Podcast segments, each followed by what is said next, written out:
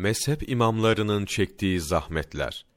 Ehli Beyt'ten meşhur Muhammed ve kardeşi İbrahim rahmetullahi aleyh ecmaîn haklarını gasp eden Sultan Mansur'a karşı çıkmışlardı. Ebu Hanife rahmetullahi aleyh de bu kardeşleri destekliyor, çok şiddetli ve açık olarak devletin bu zalim siyasetini tenkit ediyordu. Sultan Mansur, Ebu Hanife'yi susturmak için onu Kaidül Kudat, temiz mahkemesi başkanı olarak tayin etmeyi teklif etti. Ebu Hanife şiddetle reddetti. Bunun üzerine sultan, imamın dövülmesini ve sonra da hapsedilmesini emretti. Bu eziyet ve işkence içerisinde Hicri 150 senesinde vefat etti.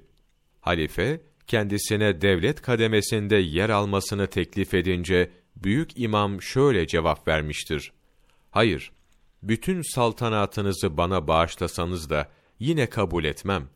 Zira biz, dünya saltanatını servetiyle beraber dünya ehline bıraktık. Şu dünyadaki ticaretimiz ve kârımız, Resulullah sallallahu aleyhi ve sellem Efendimizin sünnetini ihya etmektir. İmam Malik bin Enes rahmetullahi aleyhin, devlet ve siyaset adamlarından çektiği azap ve zahmetler, diğer mezhep imamlarından az değildir.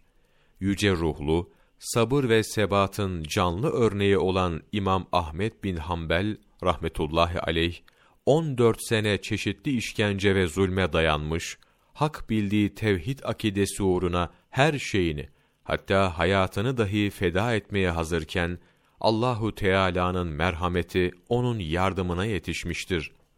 İmam Serahsi rahmetullahi aleyhin 18 sene kuyu hapsine çarptırılması ve benzeri nice ehli sünnet ulemasının çektiği işkence, zulüm ve baskıların sayısı bir haylidir. Tüm bu örnekleri görmemezlikten gelerek bu mübarek insanlara dil uzatmak ve mezhepleriyle alay etmek adil bir yaklaşım olamayacağı gibi ilmi bir özellikte taşımaz. Mehmet Çağlayan Ehli Sünnet ve Akaidi sayfa 66 67 5 Ağustos Mevlana takvimi